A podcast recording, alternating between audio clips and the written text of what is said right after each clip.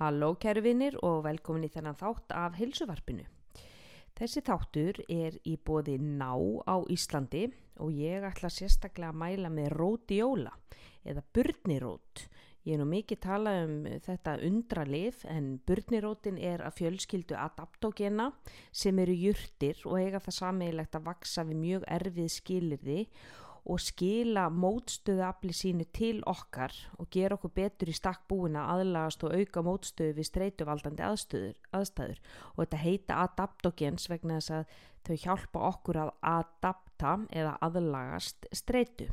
Nú rótióla hefur verið mikið nota sem júrtalifi árhundruðir og sérstaklega á norðukveli jarðar til að meðhundla til dæmis svepleysi, kvíða og streytu og ég man að það var sérstaklega hún Ástís Grasalæknir sem að mælti með þessu við mig og þetta var algjör leik breytir þegar ég var að klíma við mína, mína streytu. Nú það eigur minnið, e, það eigur lærdóm, það róa hjartsláttin, kemur böndum á kortisol með að lækka það ef það er á hátt og nýlega síndi rannsókna á háskólanemum að 350 grömmar rótióla tvísar á dag yfir tveggja vekna tímabil dró úr kvíða enkenum eins og voru mæld á, mæld á uh, Hamilton Anxiety Rating Scale eða HARS eins og hann er kallaður.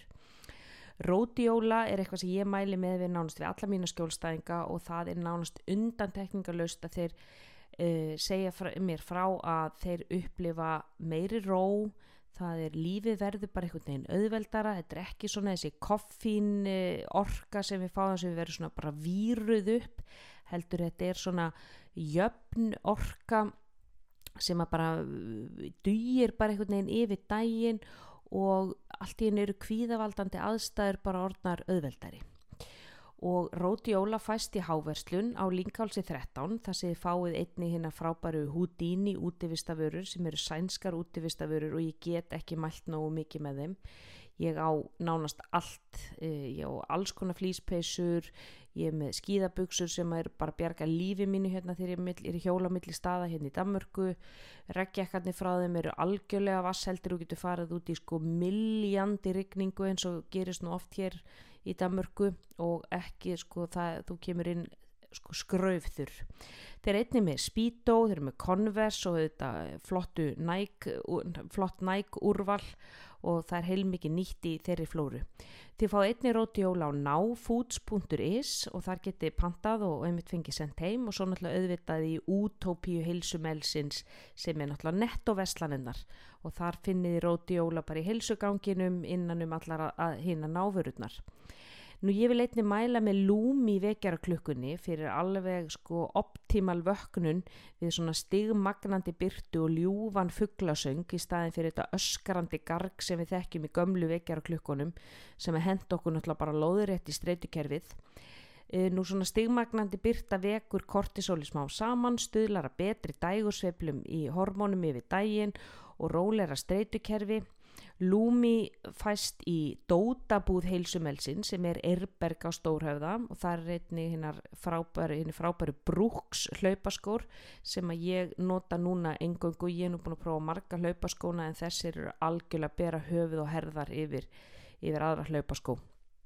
Ég nota glíserinn skóin, hann hendar mínum fót uh, langt best en það er einni til góst og, og fleiri tegundir þannig að það er um að gera bara faraðanga og máta og pröfa og, og þið fáðu alveg sérstaklega goða þjónustu. Yrbergi Stórhauð og einni í kringlunni. Nú þessi þáttur fjallar um kvíða. Eh, ekki kvíða hjá fullornum, heldur kvíða hjá börnum. Og ég fekk til mín eh, bygga þjálfara Arnald Birgi Konradsson og konunans Lindu Svambergsdóttir til að koma og tala um þeirra reynslu af því að eiga barn með kvíða. Og þau sest búa hér í Damörgu og eru, eru enga þjálfarar og njóta gríðarlega velgengni á því sviði en þau sest eh, eru núna í þessum þætti að tala um hvaða mistök þau gerðu varðandi sindreng eh, til að byrja með þegar þau heldu jafnvel að þetta væri eitthvað líkamlegt hvaða hegðunar ennkennum þau fóru að taka eftir sem að íttu undir grunnsendir um að jafnvel ættu, ættu þessi rætur í andlegum kvillum frekar heldur en líkamlegum kvillum og þau miðla hér áfram ráðleggingu til annara fóreldra um hvernig við getum búið til betra umhverfi inn á heimilinu, hvernig samskiptamátin þarf að vera við barn með kvíða, hvernig við tölum við barnið, hvernig við hvetjum það áfram frekar en að beita þau pressu og, og hvernig við getum minga tókstreituna inn á heimilinu og mikilvægi þess að fóreldrar sem eiga badd sem er að glýma af andli veikindi að þau hugsi sem bestum sjálfan sig og þau sé í stakkbúin til þess að vera 100% til staðar fyrir barni sitt. Mjög áhugaverð þáttur og ég vona að við getum normaliserað og opnað umræðina um kvíða og, og, og gert hana að að umræðefni sem, sem að allir geta bara átt uh, kynróða löst og eins og þið segja út með það. En þetta er sérst frábær þáttur og hér eru Byggja og Linda að tala um hvernig eru eiga bann með kvíða. Gjör þið svo vel. Halló og velkomin í helsuvarpið Ég er hér komin með hjón til mín. Það er Arnaldur Byrki Konradsson og Linda Svambergsdóttir Verið velkomin.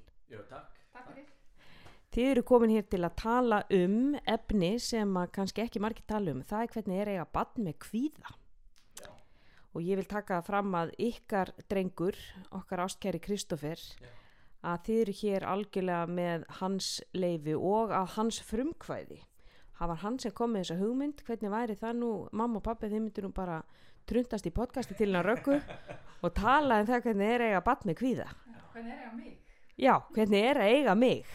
Þannig við vorum svona allir um að kannski ekki dendilega tala mikið svona um hann, hans persónlegu vandamál en, en svona meira kannski að þið myndi miðla af ykkar reynslu að eiga með kvíða og hvar þið fengu aðstóð og hvar þið rákuð ykkur á og hvað þið gerðu rétt og hvað gerðu þið gerðu ránt og hvernig annað fólk getur kannski lært að sjá hverju enginni kvíða og hvernig ekki dílaði við það og, og mér langar svona bara að byrja á að spyrja ykkur því hafi nefnt að því sáu þetta svona frekar snemma hjá honum hann er frekar ungur en þið voru ekkit endilega tengja það við að þetta væri kvíði. Þannig að hvað var það sem þið byrja að taka eftir sem að svona ykkur fannst ekki vera alveg koma heim og saman? Um, sko Kristófur var í rauninni alltaf svolítið uh, svona vansælt barn. Hann var gladur þegar hann var gladur en, en inn á milli var hann bara vansæl og já, ég var andi Kristoffer þá, eins og ég segi hann var órólegur hann greiðt mikið bara í rauninni frá fyrstu viku þetta er, hérna, við gleymum því í rauninni seint að hérna, hann fæðist 20. desember og við heldum ótrúlega rólegan aðfangadag mm. og jóladag þá erum við heima í náttfjöldunum bara í kósi heitum og Byggi hann segir hérna það heyrist bara ekkert í þessu barni veist, á hann ekkert að, að heyrast í hann Já.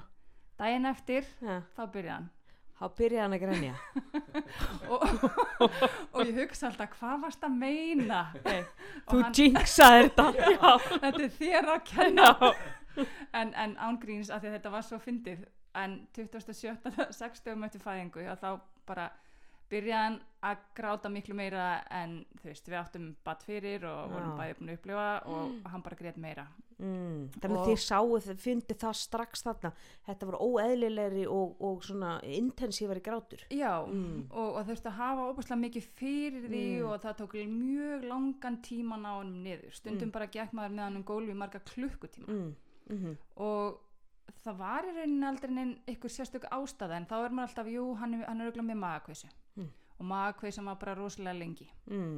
og svo hann er auðvitað með bakflæði því að mm. magakveysan hætti ekki mm. og jú, hann var með ofháar magasýrur og hann var í slíku, hann var í reyndar fjekk við lifi því snemma en það lagaði náttúrulega rosalega takmarka síðan fórum við með hann í höfubein og spjaldriks og við, vorum, við pröfuðum ótrúlega margt svona eða í þá átt að reyna að finna einhverja lausnir sko. því eðlilega þú veist það eru mörg unga bort sem fæðast og, og, og það getur margt verið aðskil það getur verið með maganum og ímislegt, Ma, maður veit það ekki en, en, en við pröfuðum ótrúlega margt sko. prófum bara endalust og, og við vorum alltaf meðan hjá lækni mm -hmm. Þið voru alltaf að leita ykkur líkamlega á hann það var mm. alltaf, mm. það, það, það hlauta að vera eitthvað líkamlegt mm. því að það er náttúrulega það sem maður þekkir en -hmm. maður mhm. þekkir ekki að krakkar geti þjáðust af ykkur andlegu ekki svona opbáslega ung Nei. Nei. En, en það voru samt svona eftir á að higgja og, og maður sér það í dag að því að maður veit í dag að þetta var frá upphafi mm. en það voru samt svona fullt af litlum hlutum sem að ef að maður myndi þekkja það í dag Mm. þá myndi maður, að þetta er eitthvað skrítið já, af reynslunni bara af reynslunni hvað, hvað hlutir eru það? til dæmis bara það hvernig hann reageraði við því þegar ókunnut fólk fór að kassast út í hann eða segja æ, hæ, elskan mikið Mm. ertu sætur út í búð? Já, hann lamaðist. Og var hann þá orðin eitthvað sko, kannski bara í kringum einsás já, hann var stórt barn já. og duglegur mm og þannig að fólk held alltaf að hann væri eldri en hann var. Þannig að það fór alltaf að tala við hann og býja til svari þegar hann var kannski eins og hálsás og hann rétt náði að segja mamma og pappi og Mm. þetta einfalda. En hann let sér bara leka onni í jörðina og hann láðar bara algjörlega þróttlaus þanga til að ég náði hann og held á honum og þá lá hann bara á mér í talsverðan tíma þanga til að ég sannfæran um það að það væri engin lengur til staðar. Mm.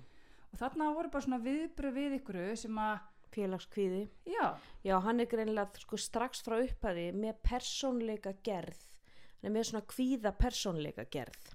Alveg frá upphæði alveg frá upphæði já, og svo kemur það þetta í ljós setna þegar hann fer sem sagt, þegar við svona, erum búin að prófa allt og þetta er, stundum er það betra og stundum er það verra og það hvað gerir prófuðu þið meira eins og með líkamlönginni þú nefnir, þið heldur magasýrur jafnvel, bakflæði hvað hva, hva fleira voru þið svona að velta fyrir ykkur? var hjá bakflæðis sérfræðingi frá tveggjára aldri og þangað til að hann varð tíu ára held ég. Og reglulega var alltaf verið að finna af því að hann samt mældist ekki á þeim stað að þetta ætti að vera svona slæmt eins og hans líkamlu enginni síndu já, hann var með svona hljóð þegar hann mátti ekkert vera nált hálsinnum á honum og þegar þetta byrjaði að það var hann með svona uh, uh, hljóð já. og fór að rífa alltaf alltaf frá hálsinnum á sér Mm. eins og að vara að kapna eða já, eh, mér bara svona einhver viðbröð við því að það væri og þétt á honum fannst það bara Mm. óþægilegt skilurðu, þannig að að- það var að valda honum svona hvað maður að segja kvíða eða kast, ná fram þeim tilfinningum að honum skilur bara eins og maður þekkir. Mm já, þegar maður þarf að kasta upp í rauninni. Já, já, já, já. þá er í rauninni bara líkamlega enginn að kvíðanum svo mikil að, að þau valda honum þessari tilfinningu. Mm og, og hann fór í allskins rannsóknir við bakflæði og, og allskils rannsóknir þess fyrir utan af því að það var alltaf verið að tengja það við bakflæði og maga en, en eins og ég segið, jú það voru háar magasýrur en þær samt í rauninni voru ekki að því kali bara að þetta væri eðlilegt með að við hans viðbröð En hvað einkenni byrjið að sjá hjá honum svona í hegðun sem að þið farið kannski fyrir að kveikja okkur um bjöllum um að byrju, þetta gæti nú kannski verið eitthvað huglagt, þetta gæti verið eitthvað kvíði. hann verða náttúrulega mjög sterk viðbröð þarna þegar við förum en við förum til sálfræðings sko, hvað er hann gamall á þegar Já, en þá er hann samt orðin sko nýjóra Já, þetta tekur nýja ár þetta eitthvað nýja ár þegar þið farið að tengja, byrju, þetta kannski ekki eitthvað líkalegt, þetta gæti verið eitthvað Já, andlegt. já. Ok, og hvað, var, hvaða einkenni voru og það þá sem að... í rauninni er það því að þá springur kvíðina hjá honum út með látum eftir að við missum son eða sem sagt já ég sem sagt er ófrísk og við, Mm. við missum hann barn í 24. viku sem Mm. hafði greiðilega mikil áhrif á okkur öll og hans kvíði bara svona springur út í kjölfari á því árið setna verður einhver trigger sem er á endanum svolítið það þannig sem kvíðin virkar náttúrulega. Mm -hmm, mm þetta verður einhver trigger og maður, mm Mhm. tíum, maður veit náttúrulega bara yfir höfuð ekkert hvaða veldur sem að eða hvaða er sem að er trigger hjá hverjum og einum og það Nei. getur bara blúsað upp allt í einu. Mm en, en það var það augnablík sem að svona, þú veist, öll tóku það nærri okkur eðlilega sko en að, að hjá honum verður það svona trigger í það að, að blúsa upp hans, hans kvíða sko og hvernig, hvernig komu þau einkenni fram? Hvað, hvaða voru þau, hvað, hvað, hvað, kveikti okkur viðvörunarbjöllum hjá ykkur að þetta væri... það er í rauninni sko það, það verður bara allt miklu miklu meira hann vill ekki lengur vera með vinnu sínum hann Mm. bara dreifur Fyrir sig inn- einangra sig. já, hann fyrir að Mm. einangra sig algjörlega ekki mm -hmm. í skólan vill ekki vera í skólan, hann er alltaf vilt í maganum hann er alltaf Mhm. vilt í höfðinu hann sko, hann hefur elska fótbolta frá fyrstu mínútu og það hefur bara verið lífans Mm hann vildi ekki lengur fara á æfingar. -hmm. ef við fórum með hann á æfingar þá gæti hann ekki verið inn á vellinum að því að þá fór hann að fá enn og aftur þessa svona tilfinningu að það væri eitthvað í hálsinum eða þyrft að kasta Mm. upp og það er svolítið hans trigger eins og maður heyrir mjög marga sem að eru svona eh, með, með svona hennan kvíða það er oft þetta með þessi blessu uppköst já, sko, já sem að börn nota áslega mikið magan sko, þau Já. segja mér illt í maganum, mér er illt í maganum. Og það er kvíði kemur fram í í kviðnum, hann kemur Akkurat, fram sko. í, í maganum og börn átta sér ekki á því mér illt í maganum eða þetta er kvíði. Já, já, þannig að það er þetta, þetta sko að sleppa við skólan og svona því mér er svo illt í maganum. Já, já, en raunin er bara, raunin er ég bara með kvíðanút já, já akkurat sko. og það er einmitt eitthvað sem að gagvart Kristóferi að því að hérna við einmitt ræðum þetta mjög mikið við hann og, og við höfum náttúrulega gert svo mikið af mistökum Mm. sem foreldrar Hve, hvaða mistök hafi ég gert? við höfum lesið hann kolránt ok, hvernig þá? e, að því að nú er gott fyrir ykkur að miðla til annara foreldra sem að vita ekkert og, og, og kannski ymitt er að glíma við sama vandamál hvað getið þið miðla, hvað mistök gerir þið? sko ef ég tala bara fyrir sjálf mig Já. að þá skildi ég bara ekki ég skildi ekki hvað var að og ég skildi ekki barnið og ég skildi ekki af hverju hann gati ekki gert þessa einföldustu hluti. Mm og ég var alltaf að íta honum áfram. -hmm. og þá veldi ég bara meiri kvíðu þetta. Mm það kemur framistu væntingar frá mömmu Já. og ég stend ekki undir þeim. Og, og hann skildi ekki á þessum tíma eins og hann segir í dag þegar hann hefur loksins eftir öll þessi ár fengið skilning á sjálfum sér mm að þá auðvitað segir hann, ég skildi þetta ekki heldur. Mm. Hvernig átti ég að vita eða útskýra að ég væri með kvíða Mm. hvernig átti ég að útskýra að tilfinningin í mér var ekki í mér Mm -hmm. auðvitað vissi hann það ekki nei en ég vissi það ekki heldur og hann vissi það ekki heldur það vissi það enginn mm -hmm. og það er þetta sem er svo erfitt með börn vegna þess að auðvitað vita þau ekki hvað kvíða er Nei. auðvitað vita þau ekki að andleg líðan kemur út í líkamleri líðan og Mm. þau bara vita ekkert hvað er að gerast hugsanir hafa áhrif og tilfinningar hafa áhrif og líkamann það er nefnilega málið. Og þetta er vítarhingur sem er rosalega erfitt að finna út úr og við höfum sjálf velt rosalega mikið fyrir okkur þegar fóreldrar eru að takast á við kvíða hjá svona ungum börnum. Mm. hvernig getum við raunverulega lesið þetta og hvernig getum við raunverulega á góðan máta gengið þarna inn í og aðstæðið við fyrr? Já, vegna þess að hvar, hva- hvaða spurningar spyrjum við? Já, Ég held Og- líka hluti fyrir ekki að ferlinu enn alltaf við byrjum alltaf á þessu líkalegu enginum og þetta líður oft svo opbáslega langt alveg eins og við, nú veit ég ekki hvað við heimsóttum marga lækna eða leitum á marga staði, það var enginn sem að kom með það að þetta geti verið mögulega andlegt sko. fyrir að hans svona enginni fara að vera svo rosalega sterk að það náttúrulega leynir sér ekki að það er eitthvað að sko. og þá fyrir við sjálf til sálfræðings en það er aldrei lækni sem segir herðu, hafið þið prófað að fara með andi geðlæknis eða sálfræðings? Að því að það dettur yngum í hug að svona líti batt sé með kvíða. Hvað á það að kvíða? Hvað á það að Já. hafa áhyggjur af en það er einmitt þetta raka sem að er svolítið sko, það er þetta að því að flestir tengja þeir sem hafa ekki upplifað kvíða þeir tengja kvíðan við það ég myndi eins og þú segir hérna þú veist ég kvíði að fara í próf Já. eða Mhm. ég, ég, ég kvíði að fara í nýju vinnuna mín á Mhm. morgun en kvíði eins og svona ef maður kallar þetta svona líffræðilegu kvíði eða svona raunverulegu kvíði er í raun ekki það sem að, þetta snýst um sko. hann tengist ekki ykkur ákveðinu eins og Nei. við teljum okkur alltaf að hann þurfa að gera þurfa eitthvað að liggja á bakvið hann. Hann er með sko segja, almennu er- akkurat. sem hann hefur áhyggjur af öllu. Já, já. það er alveg sama hvað það er. Hann hefur áhyggjur af því sko hvað verður í matinn í kvöld? Skilu einföldustu hlutir hjá honum þegar að þú veist einfalda barsálinn í sínum, sínum einfalda heimi hann fer þá bara að hafa áhyggjur af því þú veist á ég nóg marga legokuppa fyrir sigga frænda sem er í heimsókn? Það getur verið allt. Þú- þú veist, þetta, þetta, þetta er bara, það tengist meina, við höfum áhyggjur af því ok, er að fara að smittast að koronavirunni eða þú veist, er, er, er að fara að koma stríð eða þá hafa þau áhyggjur þetta er alveg stórar áhyggjur þetta veldur þeim- alveg mikill vanlíðan eins og hjá okkur að vera að fara í munlegt próf í hebresku sko, þú Já, veist. já, já. Mm, það er þannig.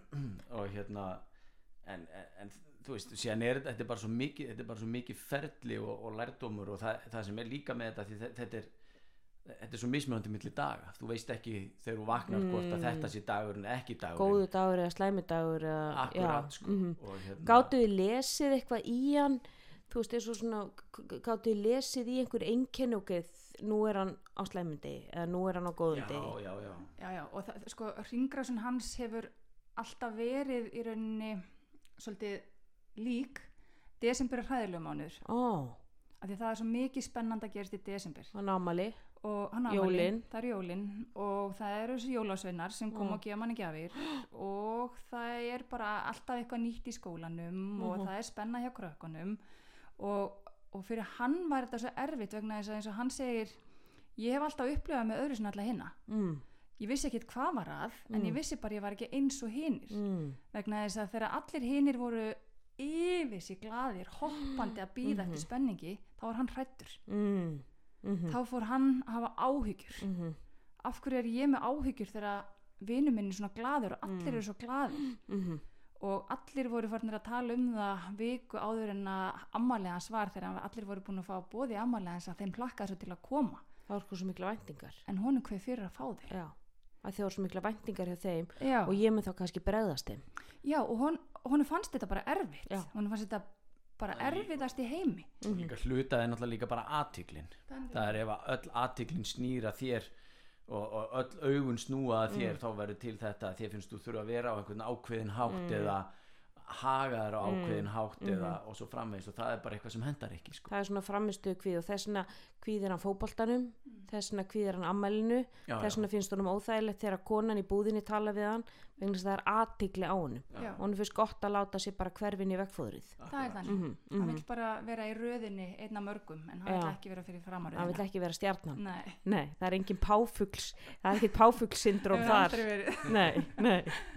nei, en þið, þið sko, þið gerðið alls konar, alls konar hluti áður en þið farið til sálfræðings. Og loksins farið til sálfræðings þegar henni er nýjára og þá, þá farið að sjá einhver einkenni. Að sko, hvað var það svona Já. sem að raka ykkur í? Sko, við byrjuðum á því að leita til sálfræðings og hjúgrunakonunar í skólanum ári áður þegar hann er áttara Mm. uh, 2013 sem sett í oktober þá missir hann bróður sinn. Mm og cirka tveimur, þreim mánuð setna þá sér maður bara að, hann- honum líður virkilega illa. Mm, og það er hann vil minna og minna fara í skólan hann vil minna og minna fara á fótballtæfingar það er Mm. óbúslega erfitt að labba á fótballtæfingu hann getur ekkert farið einn lengur. Vill ekki fara út úr húsi hann vil ekki fara út úr húsi í rauninni yfir höfuð á þessum tíma. Mm, þannig að við byrjum þar og við reynum að fá aðstóð og, og fengum vissulega aðstóð en við sáum samt að það var ekki að skila því sem því var að skila því að honum hrakaði. Mm, honum leið bara verð og verð og hann fór að sína svona fullt af öryggishegðunum og hann fór að lesa í tengingar sem voru bara vægast að skrýtnar eins og til dæmis það hérna, hann átti svona gula kitta klaufabók sem var uppáhaldsbókin hans Mm.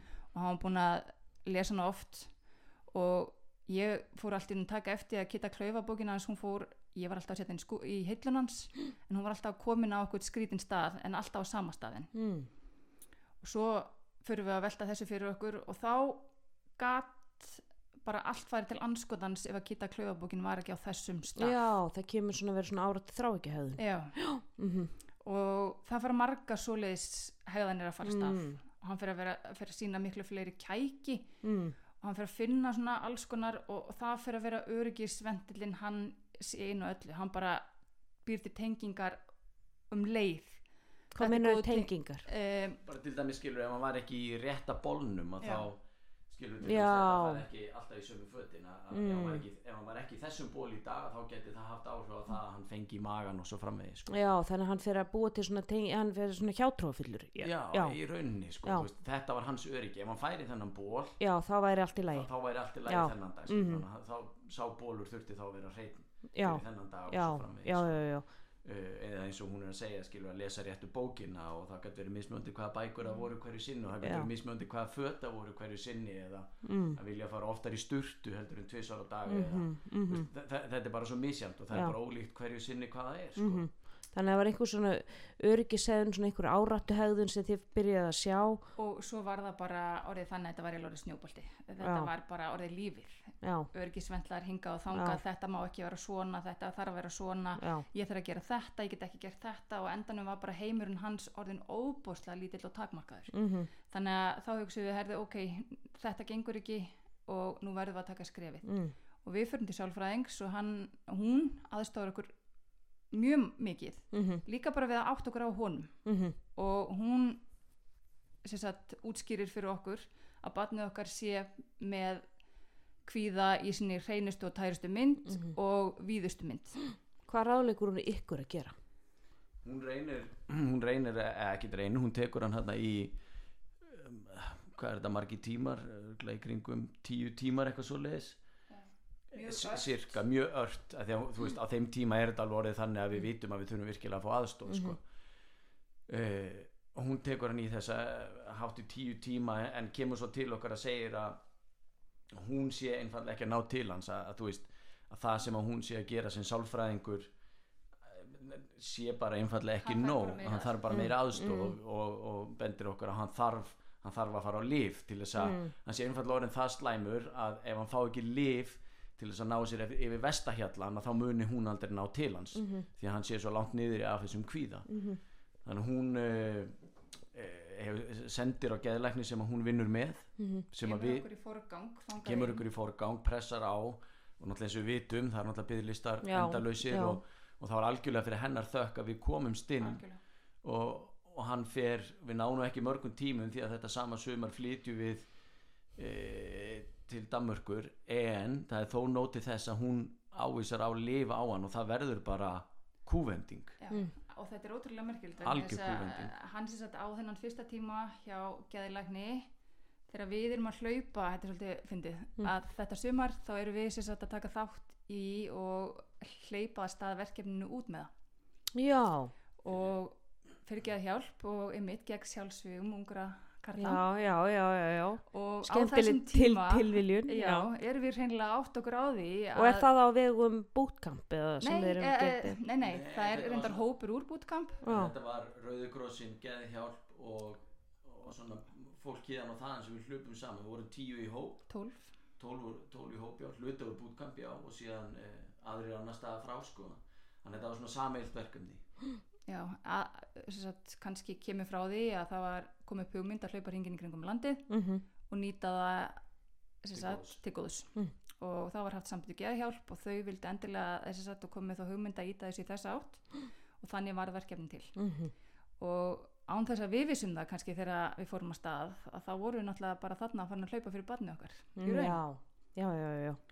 Og hann verður, hann verður svona því ykkar innri kvartning hérna í þessu hlaupi. án, í rauninni kannski líka bara eftir á já, já, en, mhm. en hérna á þeim tíma var það ekki af því að á þessum tíma viðkynja fúslega við vorum ennþá ekki farin átt okkur á hversu alvarlegur þessi sjúkdómur er. nei, maður held alltaf að það væri bara að laga þetta já. með einhverjum einföldum hætti. Að því þú sagðir aðan líka sko, maður, þú varst að reyna að hvetja hann áfram og reyna þú veist, koma hann um að stað og, og það er náttúrulega fyrir foreldra kannski svolítið erfitt að þú vilt náttúrulega ekki sko normalisera fyrir barninu þínu að það fái bara að vera heima alltaf þegar að segja þessi illt í mann. Þú vilt náttúrulega íta barninu þínu áfram ok, ég meina ég veit að það er erfitt að fara í skólan við þurfum að fara í skólan og mm Mhm. suma daga er maður bara ekkert í stuði en maður fer samt.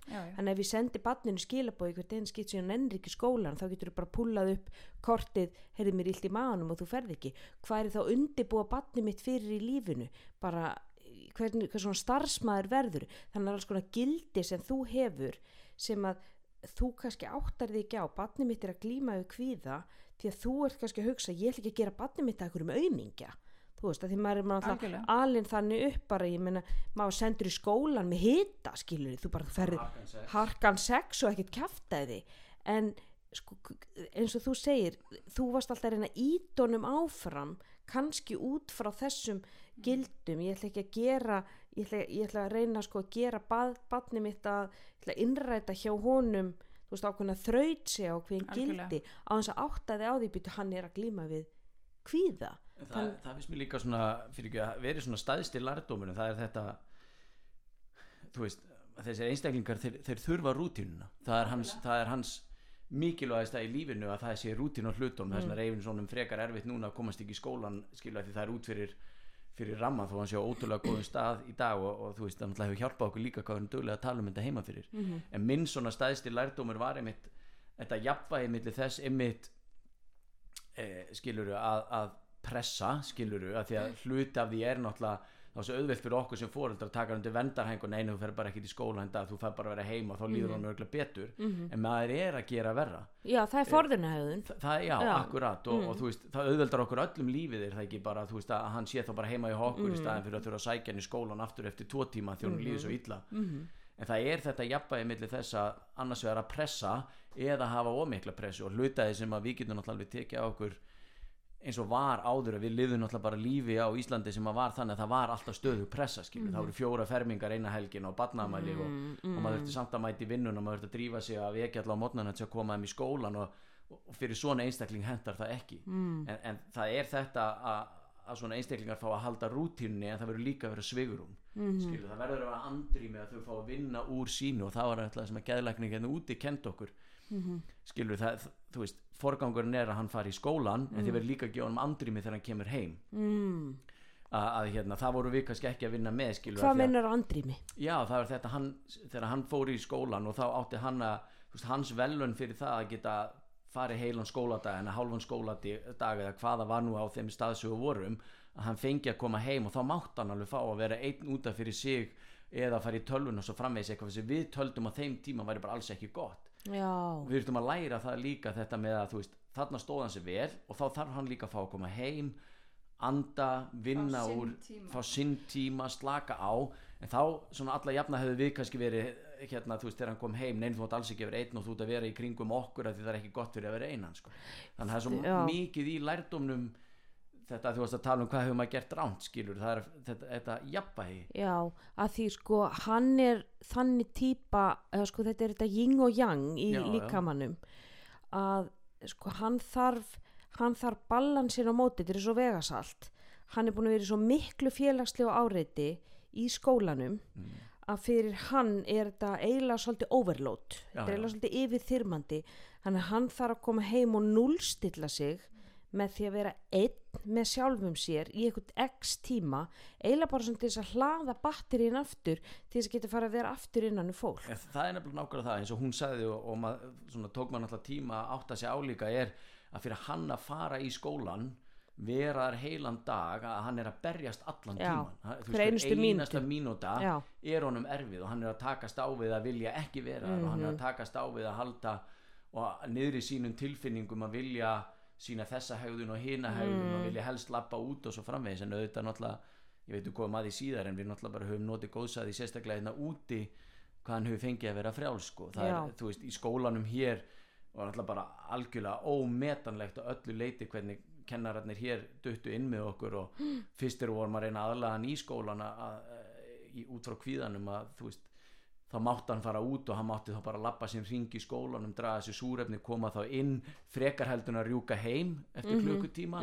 þá mátti hann bara fara út, lappa í tring eða fara út og kíkja í síman eða eitthvað svona sem leta hann líða vel, síðan kom hann bara aftur og þannig vann hann sig upp í að ve- vera heilan skóladag. Hann, hann fær að fá þessar litlu pásur þar sem sem gera hann, kraftaverk. Já, bara þessar pínu litlu pásur sem að- eiginlega bara svona svolítið eins og power naps. Þetta eru bara litlar félagslegar sko, bríðir. Já, bríðir þar sem já. hann fær bara smá þetta er, þetta er svona svipað eins og ef að við þyrftum að fara allt í einu núna og leika heilt leikrit á sviði. Akkurat. Þú veist, við okkur líður illa allan tíman já, já. hver einustu mínútu, við erum að hugsa um hvernig hreyfi ég mig, hvernig er ég að gera og það er allir að horfa á mig, það er öll aðteklin á mér. Og hvað gerum við þegar við komum heim? Við þurfum örgla að sofa eða uh, sitja eitthvað staðar ein eða þannig að þetta- fyrir hann er þetta í rauninni heill skóladagur eins og að leika bara í leikriti að vera bara sviði allan tíman algjörlega. Því að honum finnst þetta svo félagslega yfirþyrmandi hann, sem við kannski skiljum ekki og það er kannski lærdómurinn fyrir foreldra er það að hvað þú bara trundast í skólan ég meina við höfum öll verið í skóla og hvustla segla auðmíkjagangur er þetta er að fyrir svona barn þá er þetta sko eins og að vinna bara verkamanna vinnu í viku að fara í eitt skóladag Það er nefnilega það og ég held sko að því við tölum um pressuna áðan að lærdamur nummer eitt er að þegar maður er á kvíðabarn þá pressa maður ekki, maður hvetur bara. mm. Hver, og hver er munun? Hver er munun? Já, Það er nefnilega, af hverju getur þetta ekki? Þetta er ótrúlega létt. Hvað meinar þau? Þetta getur farið og gert þetta. mm, mm, Eða sagt, þú ert eftir að njóta þess svo mikils að fara, þú veist hvað þetta getur gefið þér mikið, mm, eigum við ekki bara að prófa þetta. mm, mm. Þetta, þetta, eru, þetta eru kannski ótrúlega, hvað orðu notar já, þetta, þetta eru kannski í stóra samhenginu ekki svo mikill munur ef, við, ef við, veist, hugsum um okkur sjálf, mm við höndlum þetta, -hmm. en fyrir kvíðabarn að þá getur þetta verið risamunur. já, Og það er líka þetta að, að við leifum bönnunum okkar að upplifa það alltaf að við skiljum já, að þau séu að gangi mér finnst það að vera líkil setningin að þú sýnir skilning og þú validirir tilfinning, gerir ekki Það lítið úr þeim. og það eru stór stærstu mistök mín allavega vegna þess að ég bara viðkynna fúslega mm, og að fullu hjarta ég skild hann ekki í tíu ár nei, og jafnvel í 15 ár. Nei. Ég er ný farin að skilja mm að þetta er ofar mínum skilningi Mhm. og ég þarf ekki að skilja þetta. -hmm, ég þarf bara að virða það mm að honum er að líða illa alla daga og Mhm. hann er að takast á við risaverkefni verkefni sem ég hef aldrei tekist á við sjálf. Mhm. Og ég þarf bara að vera til staðar fyrir hann og ég þarf að læra á hans verkefni og ég þarf að lefa honum að kenna mér á það -hmm. ég get ekki kent honum á hans sjúkdóm ég var alltaf að reyna að gera það mm. ég var alltaf að vera mamman sem vissi betur, betur en Hann- ég veit nei. ekki betur nei, hann veit betur, það er rauninni hans Já, en þitt er einmitt að sína samkend og það virðingu og málið. validera og sína skilning Mm. og að já, ég get ímynda mér að þetta sé erfitt ég er náttúrulega ekki gengið í gegnum þetta sjálf en ég get ímynda mér þetta sé mjög fyrir algjörlega þig. Já. og, og taka til mín það sem að sálfræðingar og gæðlanir hafa kent okkur sem Mm. fóreldrum af því að við höfum sitið með honum alla hans tíma mm, og það hefur verið stærsti lærdumurinn og áttað að okkur og við höfum fengið átt okkur á að við þurfum að grípa inn í á ákveðnum stöðum Mm. en við þurfum líka að gefa eftir á ákveðnum stöðum mm, og við þurfum að breyta okkar lífi til að hann plummi sig. Mm, við getum ekki bara ætlast til þess eins og maður gerir eiginlega alltaf með öll önnur börn sem að líðu vel að þau svona rúlla inn í okkar rútínu. Það virkar ekki. Nei, nei. Þannig að þið þurfum svolítið að snýða rútínin ykkar í, í, í kringum hann. Já, og, og, það, og það, maður það líka átt að sjá því það er bara fullkomlega eðlilegt sem fóreldri að maður aðlæða sig að börnunum sínum mhm, skilur. mhm. það er ekki þau sem eiga að lífa okkar lífi í raun sko. mm en síðan er það líka þetta það sem að maður það líka átt að sjá að, að þú veist, við erum að endanum staðstu fyrirmyndi barnan okkar sko, og þau, þau eiga sér engan draum heitari heldur en að standa sig akkvart okkur eða e, vilja ekki, þú veist, valda okkur vombriðum Nei, valda okkur vombriðum eða sjá að okkur líði Mm. illa því að þeim líður illa. Mhm. og það er líka svona hlut af þessu og, veist, og, og það er svona líka þetta með að, að hérna, svona ef maður bara horfir á ferlið í heilsinni að, að, að hérna að passa sig að, þú veist, þetta nær manni náttúrulega, þú veist, að því maður, það manni finnst umöld að sjá börnum manns þjást. En, en hérna en það er þetta að þau að maður reyni allavega að láta þau ekki upplöfa það á þeim tímapunkti heldur eins og hjá okkur að við þá bara reynum að skipta hlutverkum að þetta nær manni á mismunandi tímum já. við Og maður er mismunandi mis- aðstæður. og maður er misupplagður og, minn og ég meina eins og, eins og þú segir Linda, þú skildir hann ekki og einmitt, það er kannski í dagar þar sem að ennþá þið langar að bara, þú veist, segja við hann heyrðu, hættu þessu, hísja bara upp við brókinu og farið út og, já, og að því að skilningurinn er en þú þarf alltaf að taka á hann stóraðinum og ég þarf að skilja hann, ég þarf að validera hann og ég þarf ekki að gera lítið úr honum. Þannig, hver, hver eru svona skilabóðin til annara foreldra, Hva, hvernig eiga þau að tala við börn með kvíða? sko ég held að hérna stærsti lærdumurinn er að við kannski hættum að tala og förum að hlusta. Mm. Og og hvernig, hvernig færðu það upp á að það er erfitt að fá upp á börnum. já, algjörlega. Og, og auðvitað náttúrulega tölum við þá í staðin fyrir að við sem að segja þeim hvernig þau, þeim á að þá spurrum við þau að því hvernig líður? Og ef að þau geta ekki svarað og það er til dæmis með okkar dreng að hérna hann á rosalega erfitt með að útskýra hvernig hann líður. Mhm. hann, hann á rosalega erfitt með að útskýra þú veist, og eðlilega þegar hann er í sínum slæmustu köstum eða vestu köstum þá, þá veit hann hreinlega ekkert hvernig hann líður. Nei. hann bara líður hræðilega. Hafið fengið ykkur verkfæri frá sálfræðingum eins og til dæmis nú er oft notað sko svona tilfinningablaði nú eru 140 orð til yfir tilfinningar. Mm og, og sko flest okkar við getum nefnt kannski tíu já, já, og, og börn geta nefnt svona fjögur, kallmynd geta nefnt tvær gladur og pyrraður hann er kallmaður já, einmitt. Þannig að, að sko að, þú veist að, að hvað, hvað ertu að upplifa núna? Ertu sorgmættur, ertu sár, ertu einmanna, ertu leiður? Að hafið fengið eitthvað svona verkfæri frá sálfræðingu þar sem að læri, svona þetta tilfinningalæsi. Við vorum náttúrulega með það mjög mikið en hann, þú veist, það, það náttúrulega þarf einhvern veginn að- það þarf líka að koma fram að í dag erum er, komin við erum þetta? komin já, við erum eiginlega komin, en þetta var nákvæmlega svona. Mm, en í dag erum við náttúrulega sem betur fyrir á það góðum stað þó að, þú veist, kvíði og það er líka það sem ég held að þurfa að koma fram. Þetta mun, al, þetta mun aldrei hverf nei, nei, nei, hann verður þarf að lifa með þessu það bara er, það er líka hlut af lærdónum að átta sig á því að þetta hverfur ekki en það er, það er virkilega að vinna með þetta og hann sem betur fyrir er á þeim stað í dag hann er, hann er á livjum og það, það er gott og gilt en, en síðan náttúrulega kemur, er að fer hann til sálfræðings Mhm. alltaf, og byrjaði náttúrulega að vera einu sinni í viku og núna eru þeir að hittast cirka þetta e, 6 til 8 vegna fresti þannig Mhm. að það gengur mjög og síðan er hann hjá geðlækni á e, þryggja mánuða fresti sem þá hluta á svona að fylgjast með e, svona bara medicine control skilur að fylgjast með hvernig mhm. Stabilisera lif og bara hvernig hann líður og svo framvegis. En hann fór í hugrana atfellismeðferð hann var þar, já, alveg í Já. þrjú ár. Já, Þrjú og ár. og hvaða verkfæri fekk hann sjálfur til þess að tækla sinn kvíða? Þar er rauninni f- fer hann auðvitað og talar við sinn sálfræðing um það, hvernig er hann búin að líða af hverju, á hvaða skala hafa tilfinningarna verið mm, mm uh, mjög mikið alltaf, ok, hvar, þú veist, til eða svona, á hvaða skala var það, var það þrýr, var það sjö, hversu oft er maður að fara upp í tíu, þannig að hann átti sig á því að hérna, jafnvel þótt að honum finnist þetta rosalega mikið, að þá þegar þú setur þetta á skalan að þá áttar þið á því að hérna, þú ert í rauninni aldrei að fara upp í tíu, Mhm. þú ert yfirleitt að liggja eitthvað starf í bylunu, kannski fjórir til sex, Mhm. þrýr jafnvel bara mjög oft og, og það var svona líka bara ákveði fyrir hann að átta sig á því að þetta var ekki raunverulega eins slæmt og hann taldi að vera. Mhm. uh, þetta eru svona þessir þættir og hann er búin að læra mikið inn á þetta sjálfur. En, en ég samt vil segja sko að það varð kúvending hjá honum þegar hann byrjaði hjá Árnarsálfræðingi já, og Átni á bara hrós, stærsta Árni, hrós já. skilið Átni hefur verið tíður gestur inn í heilsuvarpinu og er hlustendum vel kunnugur Já, en, en hann gerði kraftaverk og hann er kannski fyrsti einstaklingurinn sem að náði til Kristofers Mhm. og Var það ekki, heyrði hann ekki í átna í heilsuvarpinu? Já, einmitt. já, einmitt.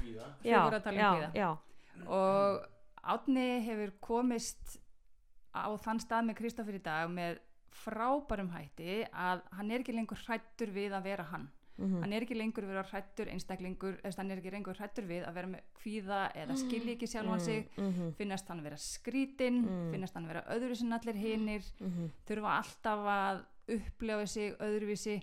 Hann er hættur að vera hrættur það, Mm. hann er hættur á flesta daga að hættur er, er hann hættur við að, að vera kvíðinn. Hvað getur maður sagt já, bara nýtur þess að vera hann. Já, Mm. hann, hann kvíði því ekki að vera kvíðinn. Nei, og Það er maður sér það bara hann kvíli miklu betur í eigin skinni núna, miklu betur heldur en hann gerði. en fyrir ykkur heima þú veist, hva, hvers konar umhverfi skapið þið fyrir hann sem að stuðlar að hans svona velliðan og, og bata?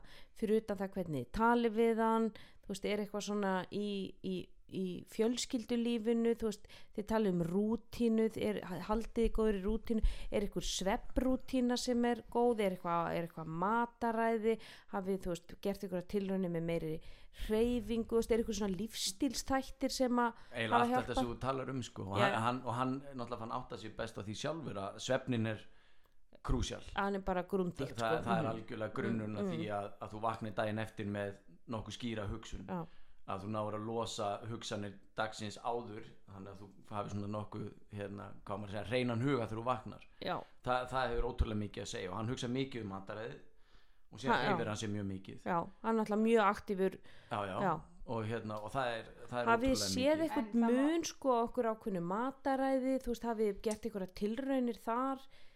Nei, hann er rosa mikið fengið að stjórna þessu sjálfur. Hann náttúrulega er bara yfir mjög duglur að passa sitt mataræði. Já, eitthvað vítamin eða bætiefni sem að hafa, hafa reynst vel veist, við- hann tekur nefnilega mikið af vítamínum þannig að maður hefur ekki getað sagt eitthvað eitt. Það er, þetta er eiginlega freka það að hann hefur fundið sér mataræði sem hendar sér. Mhm, hann finnst Skilur sér sem hún- rútínu sem hendur já, Já, hann- sem honum líður vel af. Já, og hérna en þannig að það er hann svo verið meira já, verið meira hann sem hefur skapað það sjálfur með því að gera sína eigin tilraunir frekar heldur en að því sé eitthvað skipt ykkur já, miklu frekar. Dag, þegar hann var yngri þá reyndu við allt. Já, en að hérna segja, segja áttar á barni við, við, við bara höfum reynd ég held við höfum reynd allt, við höfum reynd mataræði að segja barni sem að skilur ekki að mataræði hafa áhrif að hann er að hætta að borða brauð eða minga að borða brauð og borða meira grammiti sem hún finnst ekki gott. Mm, það getur líka valdi já, kvíða og Já, það já. ekki valda kvíða Já. Þetta er bara, þetta er svo mikið Já. limbo það sem að sko það matar tíminn fyrir að vera ykkur tókstreita Já.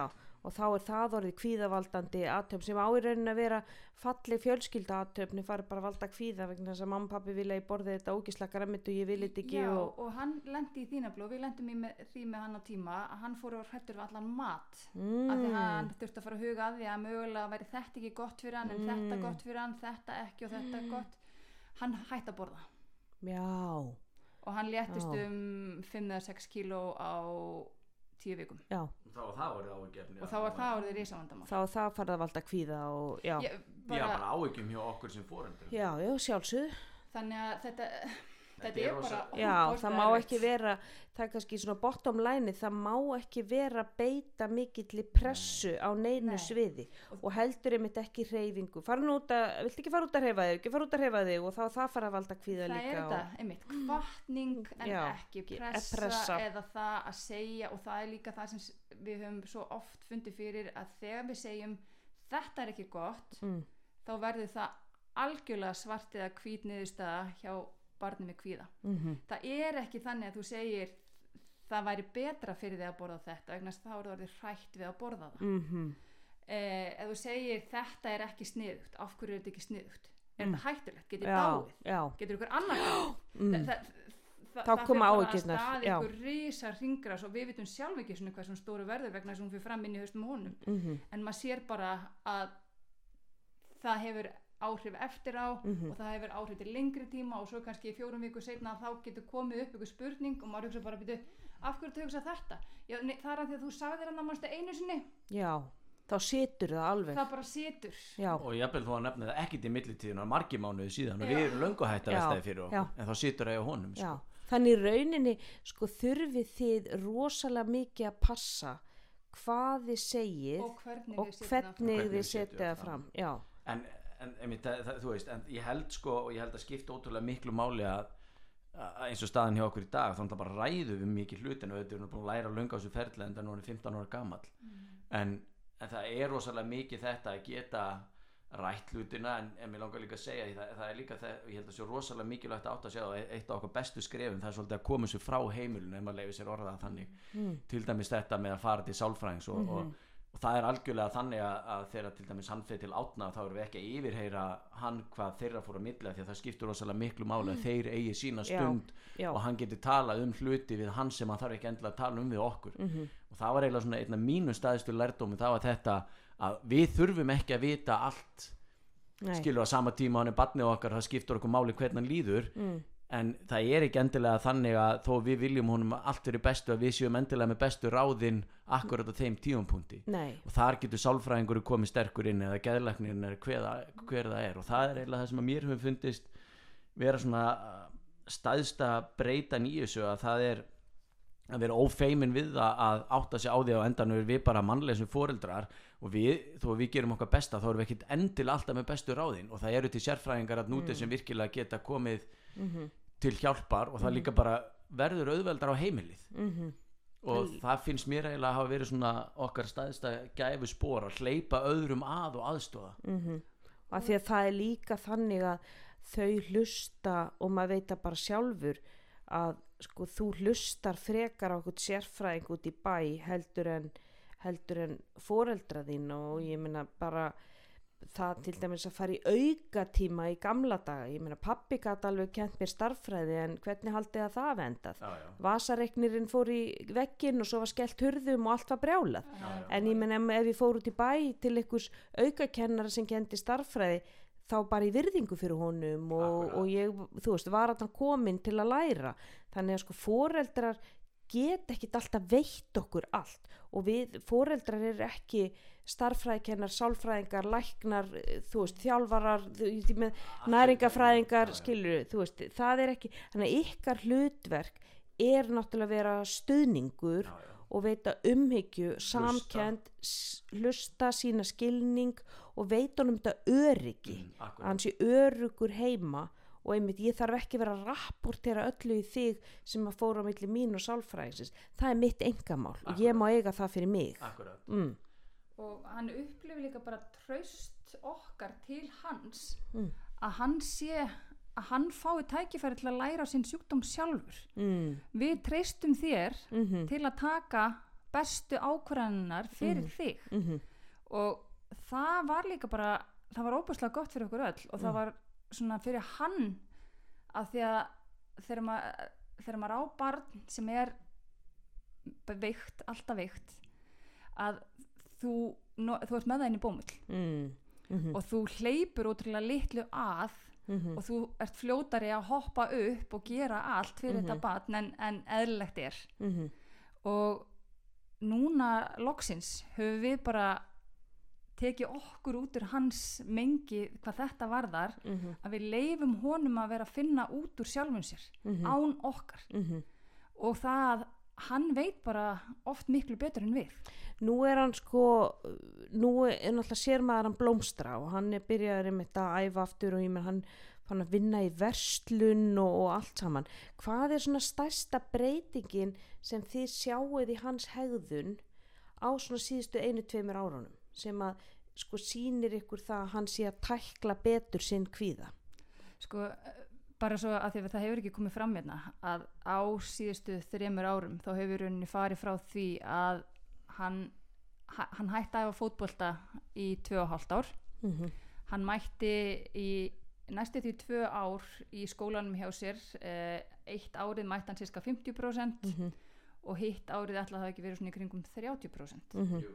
20-30% hann fór 1-2 tíma í dag á dag í skólan í hálft ár og Mm. svo fór það upp í 2-4 tíma á dag og, en núna sér satt í 1,5 ár er hann búin að vera meir og minna allt þetta ár allan, alla, mætt allan dag í skólan og verið til staðar, auðvitað náttúrulega COVID að Mm, já, já, já. Já, En, en, en þú veist og, en hann saknar skólan skrýðarlega og langar virkilega að komast tilbaka. En, en þannig að hann hefur virkilega farið frá botninum og á þann stað sem hann er í dag á sinni eigin hörku og dugnaði Mm -hmm.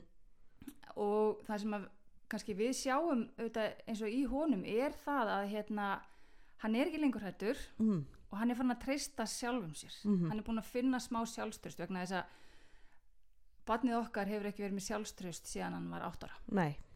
Ekki n- sko, 0% Núl, núl. Þannig að núna það, það er sjálfströsti sem þið sjáuð. fyrst og síðast Já, hann, er, hann, er, hann treysti sjálfum sér til að fara. Það er náttúrulega ekkert smá skref fyrir badd sem að lag niður í gólfið ef einhver kona talaði við hann að fara síðan og uh, afgreða fólk í búð. Ég það er bara lígileg breyting já, og sem að gati ekki einu sinni mætt í skólan. Nei, nei, Já. algjörlega og einhvern veginn bara fann að njóta sín og tilbúin að taka þátt í öllu og, og tilbúin að standa, á sviði eða þú veist eins og maður heyrir náttúrulega bara þegar maður fer í fóreldra viðtöðun allt í hennu hann var aðal sprelligósin í bekknum. Og tilbúin að klæða sig upp í alls konar og fá aðtiklina og ekkert, ekkert sem að trubla hann, það er dásamlegt. Já, hann að- er kannski líka að, að komast einhvern veginn í tengsl við sinn karakter sem að Akkurat, sko. kvíðin hefur haldið svolítið mikið niðri. Akkurat, að kannski er hans innri karakter einmitt, smá sprelligósi og, og kannski er smá gríðalög, gríðalögur húmor mikill húmor húmor. og, og, og hnittinn og, og hérna það, það er náttúrulega bara dásamlegt. Mm þannig að það er svona það sem ég sjái. Það er þetta óbúslega mikla sjálfströst sem hann er að fá Já. og hvað haldi, hvað haldi að það sé? Er það, er það verkfæri sem hann hefur fengið til að tækla það er kvíðan bara margra eða- ára að vinna veist, fyrst og fremst er það það og hann náttúrulega þroskast og síðan verður maður eldri og maður fer að læra betur en að, sjálfan sig en hann var náttúrulega inn á Bísbybjörg þar eh, mjög lengi og fór í gegnum alls konar greiningu. Og allt er þetta vinna sem hjálpar. Okkar mistök sem við höfum gert er líka verkværi sem hann getur nýtt sér í dag og, og það sem átnu við kentunum eða geðlæknarnir eða það sem við höfum reynd að kenna honum og veist, þetta er náttúrulega bara farið upp og niður milli daga í svo opbóðslega mörg ár en á þeim sem betur fer verður þetta allt til, á, til þess að hann á, í dag er á góðum stað. Mhm. og hann er að nýta sér þetta allt saman. Auðvitað eru misjafnir dagar, það er bara eins og við hjá okkur öll Já, það er líka já, sem maður þarf átt að sjá, það er ekki eins og við vöknum alltaf bara nei, nei, nei, nei, tilbúin í stuði nei, nei, stuði, sko. Nei, nei. Þú veist, við erum endanum bara mannleg og hann Já, er það líka, sko. Eh, þannig að, hérna eh, hvernig passar hann til dæmis upp á svefnin sinn. Eins og, eins og 16 ára börnum sæmir já, já, já, já, og það er limbo og, og, og hann finnur það alveg dagana sem hann sefur lítið Já. og þegar hann er búin að vera í tölvunni til Já. þrjú fjögur á nóttinni heila helgi þá er mánudagur og þriðdagur bara rosa bara mjög erfiðir en, en hann, það sem er svo gott einmitt núna, að, einmitt eins og hún er að segja er búin að vera lengi í tölvunni þá, þá stígur hann oft fram og tekur bara sjálfstæði ákvörnum Mm. það að vera ekki í tölvunni Já. Fyrir frekar hérna út og hendist út í fótbolta í 2-3 Mm. tíma og fer síðan bara snemma að sofa því að hann, hann veit, já, skilur, hann, hann er búin að læra. Veit afleiðingarnar af þessu þannig, að- Akkurat, já, sko. já, þannig að hann gerir þetta ekki endalust eins og hann gætt gert hérna áður fyrr. Nei. Og barist gegn því að fara að sofa því að það var bara Mhm. töff að sofa ekki. Mhm, í dag áttar að segja á því ok, ég næ ég leiðið mér föstudaginn og lögadaginn með vinnum mínum fram, Mhm. mm fram yfir miðnætti og eitthvað fram eftir. En þá veit ég líka að ég þarf á næstu dögum að halda ég að balansera. Já, og það er svo gott vegna þess að hann er búin að öðlast skilning á sjálfum sér mhm, og sínum veikindum með þessum hætti. En, en það er kannski með það sem að er svo erfitt þegar maður er lítill. Mhm, mhm. Og að, að segja ungu barni 6, 7, 8 ára barni eða jafnvel enn yngra að það þurfa að hafa jafnvægi í lífinu hvernig Nei. gerir maður það? Nei, nei, nei, nei, nei, og það skilur það ekkert en, en hann er orðin það stór núna og Já. fullorðin að hann áttar sig á tengingunni þegar ég sef illa Mm. þá á ég slæman dag á morgun og það, Það þekkjum við líka Það bara sem bara, þú veist yfir ferdugt, ég meina þegar við sofum illa þá kvíðin hann á greiða leið það er bara framheilin slæfist við fyrum að stíma inn á tilfinningaheilan en að gamla eðlu heila við fyrum að framlega meiri það er meiri framlegst á streituhormónu til að halda okkur vakandi sem þýðir það að við upplifum bara áreiti sem frekar kvíðavaldandi sem að áður myndum við bara pff, væri bara svo teflampan en væri bara svo trömp við myndum bara, þú veist, einhvern veginn þetta myndi bara ekki festast á okkur sko. Þannig að við förum að, að verða svona meira að, að sko ringsóla í einhver sem skiptir einhver máli. Þannig að, að það að hann skuli sjálfur passa upp á sína svepprútínu er náttúrulega ótrúlega dýrmætt. Já, og og ég held líka, sko, hann er alveg búin að átta sig á því líka, þú veist, og endan er þetta bara eitthvað sem að við ætlum að lifa með, sko, þú veist, Mhm. hann- hann er alveg meðvitaður um það að það koma, veist, hann er á frábærum stað en það koma mjög sjafni dagur, þá bara tekst maður á það eins og hann sjálfur segir, skil, þetta er bara einn af þessum dögum. Mm og hérna uh, og ég held líka að hluta því sé að leðum maður viðurkennir það að þetta sé eitthvað sem að er en maður er með verkværi til að vinna með það og, og 90% af dögunum eru góðir að þá er líka auðveldar að takast á við það. Já, og hver einasti dagur sem hann upplifir sem góður, það er lítill sigur fyrir hann. Akkurat, og það heldur honum, já, heyrðu, þetta er, ég er að taka alltaf einhver skref áfram. En ég er að velta fyrir mér með sko svona eins og sko svona exposure therapy eins og í sko kvíða að þá eh, erum við í svona, svona berskjöldun er þetta kölluð. Þar sem að þið töluðu einmitt um það hann, hann fór ekkert í skólan síðan fer hann í skólan í í 1-2 tíma svo fer hann í skólan í 2-4 tíma. Og þetta er svona þessi, þessi gradual exposure veist, hann, hann, hann fer lítið í einu og svo bara svona aðeins smá saman bætu við við. Var það eitthvað annað sem að þið gerðu þar sem að þið voruð að berskjaldan til dæmis fyrir fótboltanum. Ok, farðu núna á fótboltaæfingu í 5 mínútur bara í dag. Eða þú veist, var eitthvað annað sem að þið svona leifðu honum að fara bara inn bara svona pínu lítið í einu svo hann myndi upplifa með þessa litlu sigra? Það var náttúrulega kannski aðlega náttúrulega þetta með fótbolt sem tók hann náttúrulega sér pásu og það held ég hafi líka verið allt í lagi. Hann tók sér náttúrulega pásu frá fótboltanum bísna lengi mm -hmm. og nýtti kannski frekar orkuna í að vinna í sjálfum sér og, og hérna og er síðan komin aftur í fótbolta núna og nýtur þessi bótt Mhm. en hluta pressunni sem við settum á hann það var að ég mitt þetta alltaf þú ert að mæta fótboltafingar því þú er gott að þér reyfa þér því líður vel og eftir og allt þetta mhm. en á endanum voru við farin að valda honum kvíða og Já. endanum var það þannig að við vorum að fara með honum á fótboltaleiki hann var bara kvíðin að við kemum með og svo frammeins Mm. og það tók tíma mitt að vinna það tilbaka hann fekk algjörlega að byrja í fótboltanum aftur á sínum fósendum og þið voruð ekki neinstað með. Við, og, nei, og við bara, það var bara samil ákvörðin það að við mættum ekki með. Mhm. þannig að hann mætti mjög lengi á æfingar og spilaði nokkra leiki að hann hafði síðan frumkvæði því sjálfur og sagði mamma og pappi mér þætti væntum að þið kæmuð mm. hérna, með og myndum kíkja á næsta leik og við mættum þá og byrjuðum bara að kíkja nokkra mínútur og síðan erum við fann að mæta núna. Mm þannig er það bara. Það er ákveðin berskjöldu líka. Akkurat sko, og, og það er á endanum og það má alveg, við fyrst vorum við svona að taka það eitthvað persónulega til okkar að hann vildi ekki hafa okkur með Já. á endanum við mammaðin og pappi sko. Við, við erum best fyrir þig já, en við vorum farin að valda honum kvíða að að við settum svo mikla pressu og hann sá á okkur að við vorum leið yfir því hvernig hann væri á vellinum að því að hann var ekki að njóta sín og svona var þetta keðjuverkur Mm. já, við erum að valda þeim vombriðum akkurat og, og hérna og börnin vilja ekki valda okkur já, vonbrigðum, nei, við- nei, nei, nei það, það er það og- miklu betra að þið séuð ekki Akkurat. Þannig í raunin eru kannski skilabóðin svolítið þau að leifðu barninu frekar að taka pásu, leifðu því að stíga tilbaka eitt skref og vinni sjálfur sér til þess að geta tekið tvö skref áfram og haldið svo áfram á sínum eigin það er fórsendum. akkurat málið Já. það er þessi kvartning en ekki Já, pressa ekki pressa. Og, og- það að viðurkenna það fyrir sér að við vitum ekki alltaf best Mm, þegar kemur á mhm, þessu og við mhm. þurfum að læra á þetta alveg jafn mikið á börnin okkar Mm Og leifa þeim kannski að kenna ykkur Já. svolítið á svona er ég að upplifa og þetta er það sem ég vil, ég vil ekki að þið komið á fótboltæfingar, ég vil fara einn og sjálfur, ég vil ekki að þú komið með mér hérna á, á, í, í skólan í dag, ég vil ekki að þið komið á þetta leikrit sem ég er að halda en það sé ekkit persónlegt gagvart ykkur, það er bara því það veldur mér ómiklum kvíða og ómiklum óþægindum. En síðan einmitt með tímanum Mm. það fáið að koma og þið fáið það að er vera máli já, og að er taka því nefnilega ekki persónlega og ekki, ekki fara að, að, að vera móðguði við því. En það er ekki létt.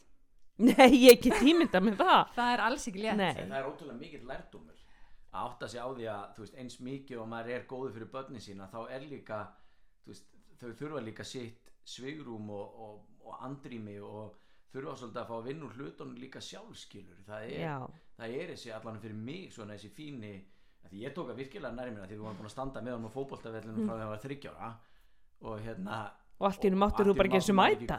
maður tóka bara svona býtu, já ok. Já, þetta var bara mesta höfnun sem maður hafði orðið fyrir ef ég segi það bara já, já, já, ég og, og, og ég hugsaði bara er þetta í alvörinu að gerast? Já, en ég með á ákveðnum aldri samt já, þá, þá verða börn þannig og meina, við vorum þannig líka já, já. að, sem unglingar Já, já, já. að allt í hennu verða sko foreldrarnir eitthvað sko svo hallarislegasta eining sem til er og má helst ekki sko ég fór eins og í kringluna og pappi sagði nú ertu að fara í kringlunni ég þarf einmitt að fara og skipta ég brjálaðist hann myndi sko ekki mæta í postnúmer 105 að meðan að ég væri þar já. Þannig að sko þú veist Já, já. og þetta getur auðvitað verið mjög erfitt fyrir foreldri já, en þetta og þarna kemur kannski að foreldrinu að því að við höfum náttúrulega svolítið mikið núna verið að ræða um hann og, og hans rútínu og hversu mikilvægt það er fyrir hann að lifa heilbriðu lífi það er ekki síður mikilvægt fyrir foreldrana að gera nákvæmlega það sama Mm. til að halda þetta út og vera Mhm. alltaf á réttum fórsendum til staðar mm -hmm. ef við glemum okkur sjálfum Mhm. ef að við erum ekki að borða hollamat ef að við erum ekki að reyfa okkur ef Mhm. við erum ekki að fá það svefnin og og, svepp allt og allt sem við þurfum mm -hmm. þá koksum við líka Mm -hmm. það er ekki gott og það er líka þetta að dreifa dreifa álæginu stundum bara eins og við varum að tala um áðan skilur að, að hérna þú stundum þá er annað fóreldri meira andrými heldur Já. en hitt og stundum er það bara dagurinn sem að ég tek á mig já, hans ástand Mm. skilur og þú gerir það daginn eftir bara Mm. því það er þannig og þetta er á endanum bara samvinna Já. út í eitt já, og það er ekki hægt að halda þetta út öðruvísi uh, og bara líka að geta talað um það og, og viðkenda að veist þetta er erfitt skilur, Mhm. þetta er bara ótrúlega erfitt að því að þe- þetta grípur mann á ólíklegustu tímum og, og, og þetta er alltaf mm, skilur sérstaklega þegar þetta er hvað vest að þá, þá líður þetta aldrei úr sko. mm Mhm. barnið getur vaknað á nó- nóttunni með kvíða eða bara ekki sopnað út á kvíða en Mm. þú þarf samt að halda þinni rútínu og, mm, og þú veist maður þarf að anda sig í gegnum þetta en eins og hún segir skilur að, að þú veist að sinna okkur sem foreldrum er bara engu mikilvæðar nei, Byggi hefur farið út að labba með Kristoffer klukkan hálf þrjú um nóttina Já. því að það var bara kvíðakastin í herbyggju og hann kom sér ekki út úr því þannig að þeir hendu sér í fötin og fór út að labba já einmitt, hann sopnaði klukkutíma setna já en, en þú getur átt vonu öllu. Það er mitt þú ert að búa þig undir allt og þú ert að vera tilbúin undir allt og, Já, þannig og, og það hérna og það, það er nú svolítið bara eins og eiga unga menn þú getur lendið því einmitt allt í einu að þú ert að fara að rugga þessu unga batni um alla stofu í, í, í tvo tíma kljóðan hálf þrjú á nóttu. Þannig að, að, að þetta er kannski einmitt svolítið að fara aftur tilbaka í, í þann pakka allt í einu með 12 ára batni eða Já, eða eða bara átt að sé á því að ef að barnið þitt er að glíma við andlega veikindi að þá er það til lífstíðar Já. og þú þarft að takast á við verkefni sem að þig langar ekkert endilega til að takast á við á ákveðnum dögum eða bara í lífinu í heilsinni mm. en þú þarft að gera það Mm og þú, þú þarf að vera þarft tilbúin. að vera tilbúin í það og ef að þú ert ekki í jafnvægi sjálfur þá ertu ekki fær til þess. Nei, það er einmitt ástæðin sem við komum líka inn á þess vegna er svo mikilvægt að vera tilbúin að viðkenna og fá utan að komandi aðstóð líka. Já, af því að það er engin heil fjölskyldan sem bara leysir þetta og við erum bara heldur ekki með tækin og tólin í það og, nei, og nei verkfærin og allt saman. En ég held að það sé eðlilegt að foreldrar þú veist við erum foreldrar og við ætlum bara að græða þetta og við bara lögum þetta og við erum klárlega bestið þess fallin að finna hans bestu rútínu og hvað hendar honum best og allt þetta en það er á endanum ekki akkúrat Nei, þannig, nei sko. og þetta er ekki að ég þekki barnið mitt best og ég veit hvað því, því er fyrir bestu og, og þetta er bara nákvæmlega eins ég menna þú bara maður að keira hérna á þú veist, Toyota Tercel 88 model og hann bílar og nei ég á búin að eiga þennan bíl hérna í 20 ár, ég veit nákvæmlega hvað ég á að gera Nei, nei, nei, ég er bara rúllónu mín á næsta verstæði og bara vesku og opnaði útið og já, blöndungurinn og þjöttuhósan og skil, ég þarf að fá aðstöð frá einhverju Já, fagmanni já, til þess. já. nákvæmlega saman með okkur það þarf bara einhver sérfræðingur að koma og kíkja undir hútið og, og það er eitthvað í, í ólægi og ég þarf að fá tæki og tól og verkfæri og, og verkefni til þess að, að, að leysa úr því. Já. en mjög góða punktur sem þú gast inn á áðanlinda er með, þú, þið þurfa að hugsa um ykkur sjálf að þið, þið, er ekki stakk búin til þess að fara út að labba með badni um miðjanótt ef að, ef að ykkar rútína er öll í, í sko lamasessi þannig að Nei. það að þið getið að sé búin að setja súrefninsgríminu á okkur sjálf til þess að geta aðstofað einhvern annan bara eftir svo í flugvilunum að minnst þetta svona svolítið mikilvæg kannski loka punktur að foreldrar hugsi sem allra best um sig hugsa um sínar heilsuvenjur til þess að geta sko staði sína plikt gagvart badni að því að eins og segir þetta er lífstíða verkefnum, badn sem er að glíma á andlega veikindi, kvíðin fer aldrei. Nei. og leðu sættir þið við það þá kemur líka þessi sála ró. Friður, já, friður ég er aldrei að fara að losna við þetta Nei. ég er bara að fara að lifa með þessu.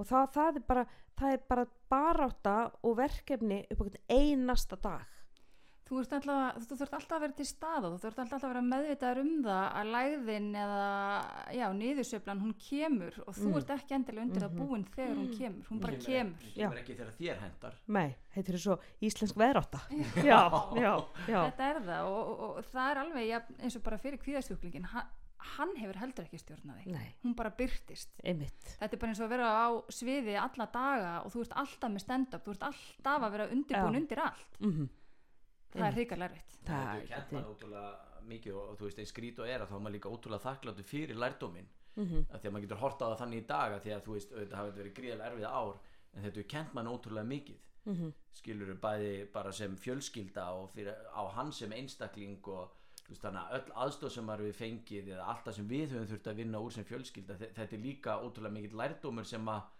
skrýta að segja að maður er líka þakkláttur fyrir það af því að þú veist, maður er margt sem maður getur tekið með sér maður getur miðlað áfram til annara og svo framvegis. Mm, sem að þið eruð að gera náttúrulega hér já, við erum að vinna með, með einstaklingum og við sitjum hér og erum að tala Mm. og erum að miðla til annara og það er mjög mikilvægt einmitt að þetta sé meira í umræðinu þetta má vera feimnismál Nei, að má feimnismál. Að, og þetta þarf að vera meira vegna þess að fólk er með badn sem er með kvíða og, og, og sko er, er, eitthvað að badninu mín er badnið mitt einhver aumingi og akkur getur badnið mitt ekki mætt á fótboltæfingar Já, þegar að Siggi í næsta húsi bara mætir á akkúrat, allar sko. æfingar er og hann er með tvö sko. börn og byrju hvað er hér og þú veist, svona hoss hoss hossast á æfingu og enga, ekkert kæftæði og að, að, að það sé, byrju já, það gæti verið að sé eitthvað að barninu mín, ég er búin að hlusta á podcast og það er fólk að tala um þetta og, og hér þegar hann að sína ákveðin einkenni sem þau voru að tala um að, að því meira sem við tölum um þetta því meira normaliserum við þetta og þetta er ekki tabú og það er ekkert að þér og, og við er líka ákveðin skilabóti barsins, það er ekkert að þér. Þú ert ekkert öðruvísi, við erum ekkert að taka þig út fyrir svega Nei. Og ég held að því samfélagslega að þá er tendensins á að tala um andlega veikindi eins og það séu veikir einstaklingar, Mhm. veikburða mm, einstaklingar. veikburða Já. mm Þau eru sterkustu einstaklingar -hmm. sem að til eru og verkefnin þeirra eru svo stór á hverjum einasta degi Mhm. að við áttum okkur enga megin á Þeir eru því. stöður í baráttu alla daga. Já, þannig að þetta eru hetjunar. Þetta eru, hérna, þetta eru frábær lokaorð. Já. Veikustu einstaklingarnir eru sterkustu einstaklingarnir. Það er Já, þannig. algjörlega. bara byggja og linda hjartast ekki fyrir að koma, fyrir að opna umræðina og ég segi bara út með það Já, Já, það er, það er þannig já, og til ykkur hlustandi góður, takk fyrir að hlusta á heilsuvarpið og þangti næst, verið bless